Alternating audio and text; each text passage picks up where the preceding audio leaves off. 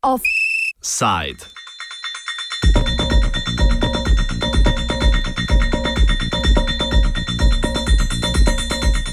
Preko mostu do vlade.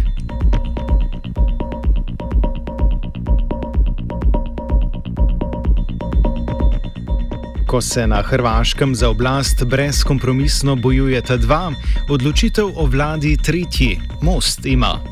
Za potrebe včerajšnjih hrvaških volitev nekoliko parafraziran pregovor nazorno pojasnjuje nepričakovano presenečenje pred tremi leti v stranko preoblikovane neodvisne liste Most, ki je z 19 osvojenimi mandati povsem zasenčila stari pretendentki za oblast, domoljubno koalicijo Hrvatske demokratske zajednice na desni in SDP-evo Hrvaška raste vladajočih socialdemokratov na levi.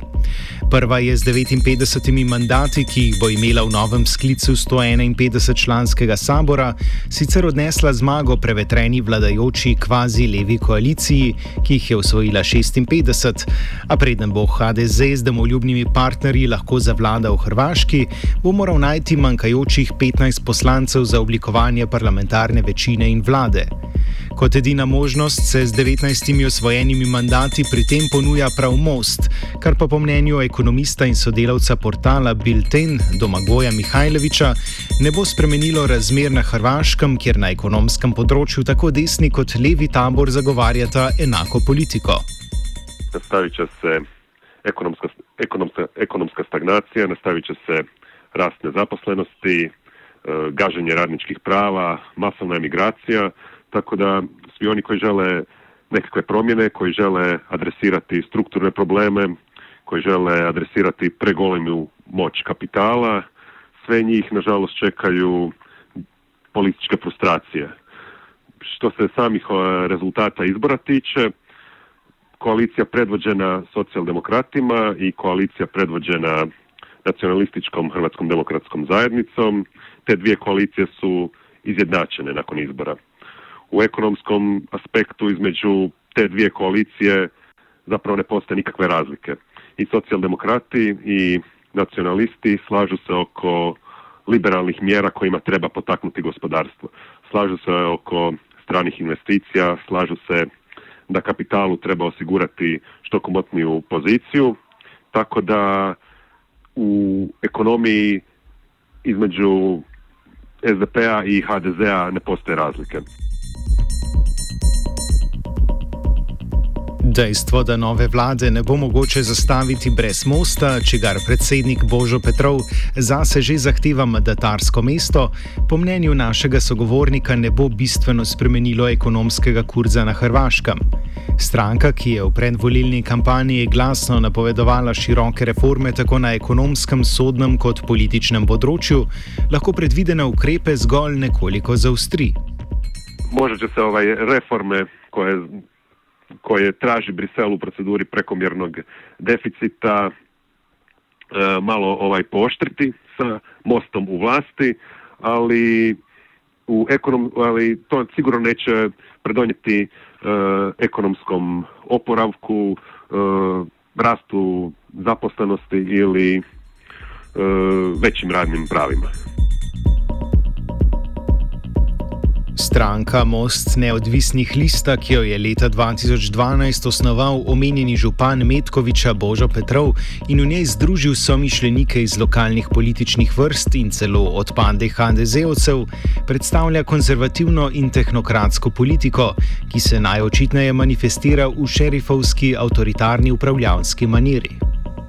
Most je neka vrsta konzervativne in tehnokratske opcije, koja zahtjeva reforme na liniji Brisela. Dakle, rezanje budžeta, manja država, privatizacija javnih poduzeća, to su otprilike ono što oni zagovaraju u ekonomskom smislu. U ideološkom smislu pokušali su se predstaviti kao transideološka opcija, dakle opcija koja koju ne zanimaju ideološke podjele. Opcija koja stoji samo na ovoj ekonomskoj liniji ekspertize i stručne tehnokratske intervencije. Dakle, most je, most je iznenađenje izbora, ali treba znati da Most je zapravo opcija koja odgovara kapitalu, opcija koju je zapravo kapital najviše podržao, jer Most je dobio veliki medijski prostor u, kod privatnih, kod privatnih medija, tako da je kroz taj nastup u privatnim medijima iskoristio mogućnost da e, mobilizira nezadovoljne glasače, one koji su nezadovoljni trenutnom situacijom, da, na, neki, na neki način e, angažira njihov ovaj, protestnu, protestnu poruku.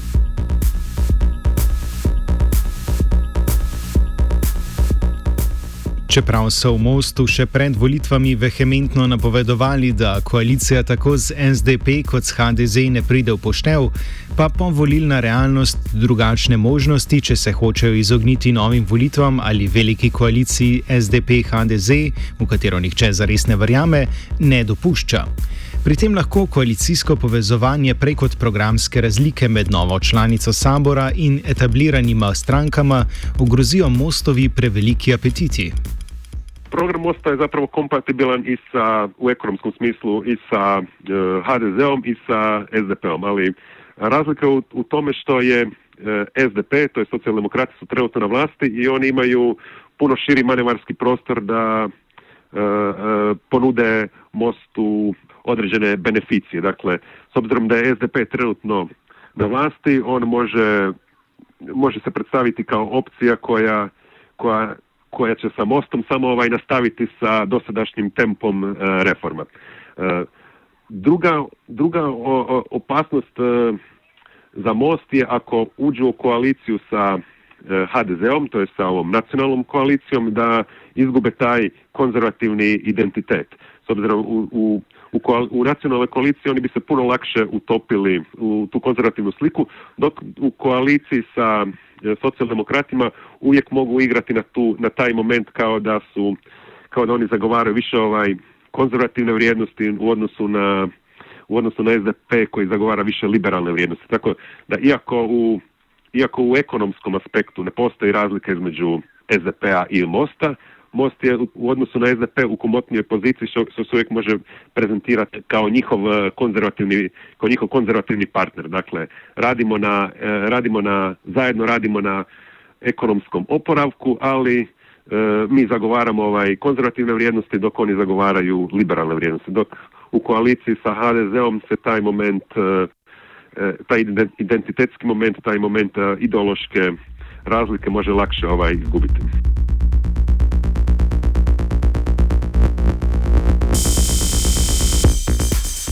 Presenetljiv uspeh Mosta, ki so ga v precej bolj skromni meri potihem napovedovale že predvolilne ankete, kaže tudi na široko nezadovoljstvo hrvaških voljivcev tako z desnim kot levim političnim blokom, ki se na oblasti menjavata vse od hrvaške osamosvojitve. Vladajoča SDP-jeva kukuriku koalicija je v zadnjem štiriletnem mandatu pustila Hrvaško v precej slabem gospodarskem in socialnem stanju, ki ga ne spreminjajo niti nekoliko boljši rezultati v zadnjem letu. Pravih odgovorov, kako državo popeljati na uspešnejša pota, pa v predvolilni kampanji ni znal ponuditi niti HDZ. Apatijo in brezidejnost na ekonomskem področju sta obe hrvaški vodilni stranki poskušali v kampanji prekriti z vračanjem na ideološke teme in z aktualno begunsko problematiko. Pa zapravo glavna tema kampanje je nešto što nisu mogli birati ni SDP ni HDZ, a to je zapravo tema migracija. Tu je e, SDP zapravo osigurao svoju snažnu podršku jer se predstavio kao ta nekakva soft uh, line uh, pristup pitanju prelaska migranata kroz hrvatski teritorij gdje su oni zapravo pokušali, pokušali i uspjeli osigurati svu državnu infrastrukturu tako da da odnos prema odnos vlasti prema imigrantima bude što humaniji dok je HDZ nastupio sa tom ovaj hardline retorikom da na granici treba odmah podignuti žicu, da treba podignuti zidove i tu je SDP zapravo e, iskoristio taj moment gdje oni mogu napokon e, pozvati se na svoju e, socijaldemokratsku podlogu, iako te socijaldemokratske podloge tokom zadnjih tokom zadnje četiri godine uopće nismo vidjeli. Oni su zapravo vršili su određene privatizacije, donijeli su novi zakon o radu, tako da su radnička prava smanjena, ali sada, ali upravo sa tom temom migranata oni su uspjeli na neki način ponovo angažirati tu svoju tobožnju socijaldemokraciju.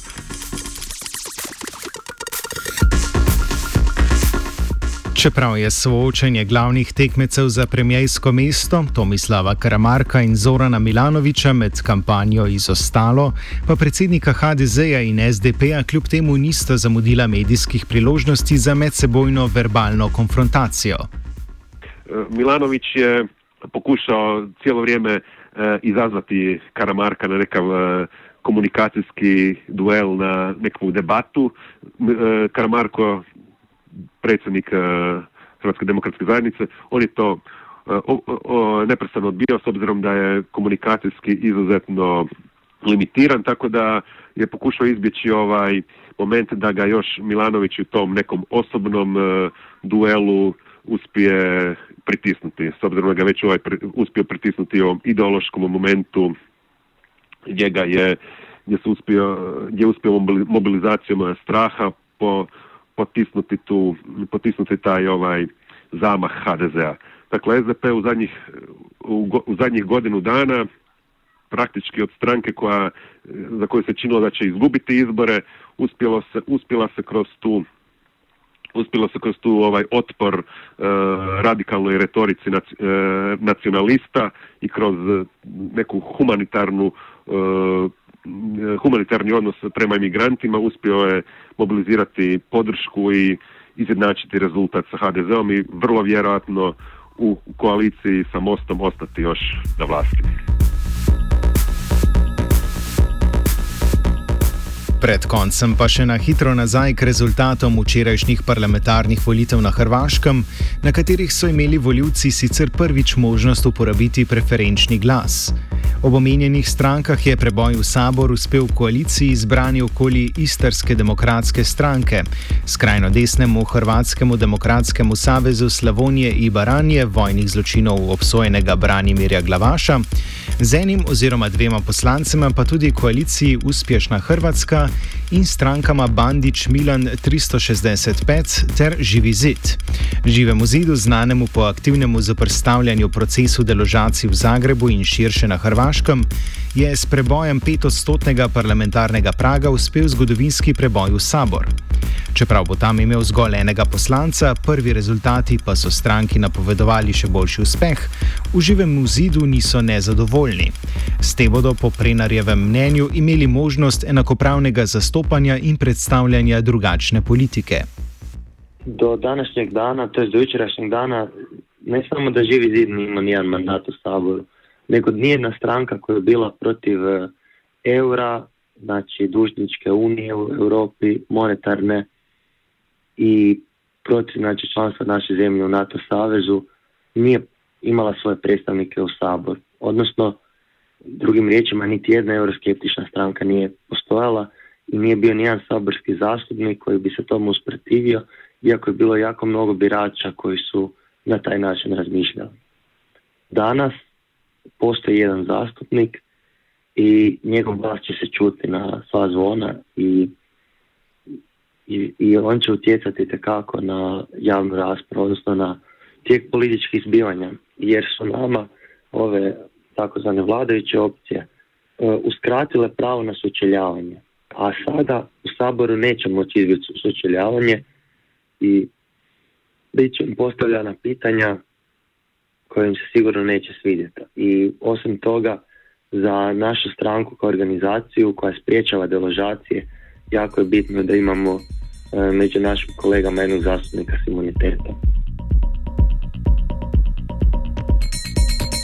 No, kljub uvrstitvi v sabor pa živi zid ne bo v igri za vstop v vladno koalicijo, saj so se v stranki že pred volitvami odločili, da s HDZ-jem in SDP-jem, ki sta po njenem mnenju s svojim delovanjem v preteklosti pripomogli k slabemu položaju Hrvaške, ne bo sodelovala. Predstavnik živega zida Ivan Prinar. Ne samo nakon rezultata, nego i prije rezultata smo mi to cijelo vrijeme govorili, zato jer sve te stranke i HDZ i SDP su pokrali i upropastili našu zemlju i političkom suradnjom sa njima ne mogu se problemi u našem društvu riješiti.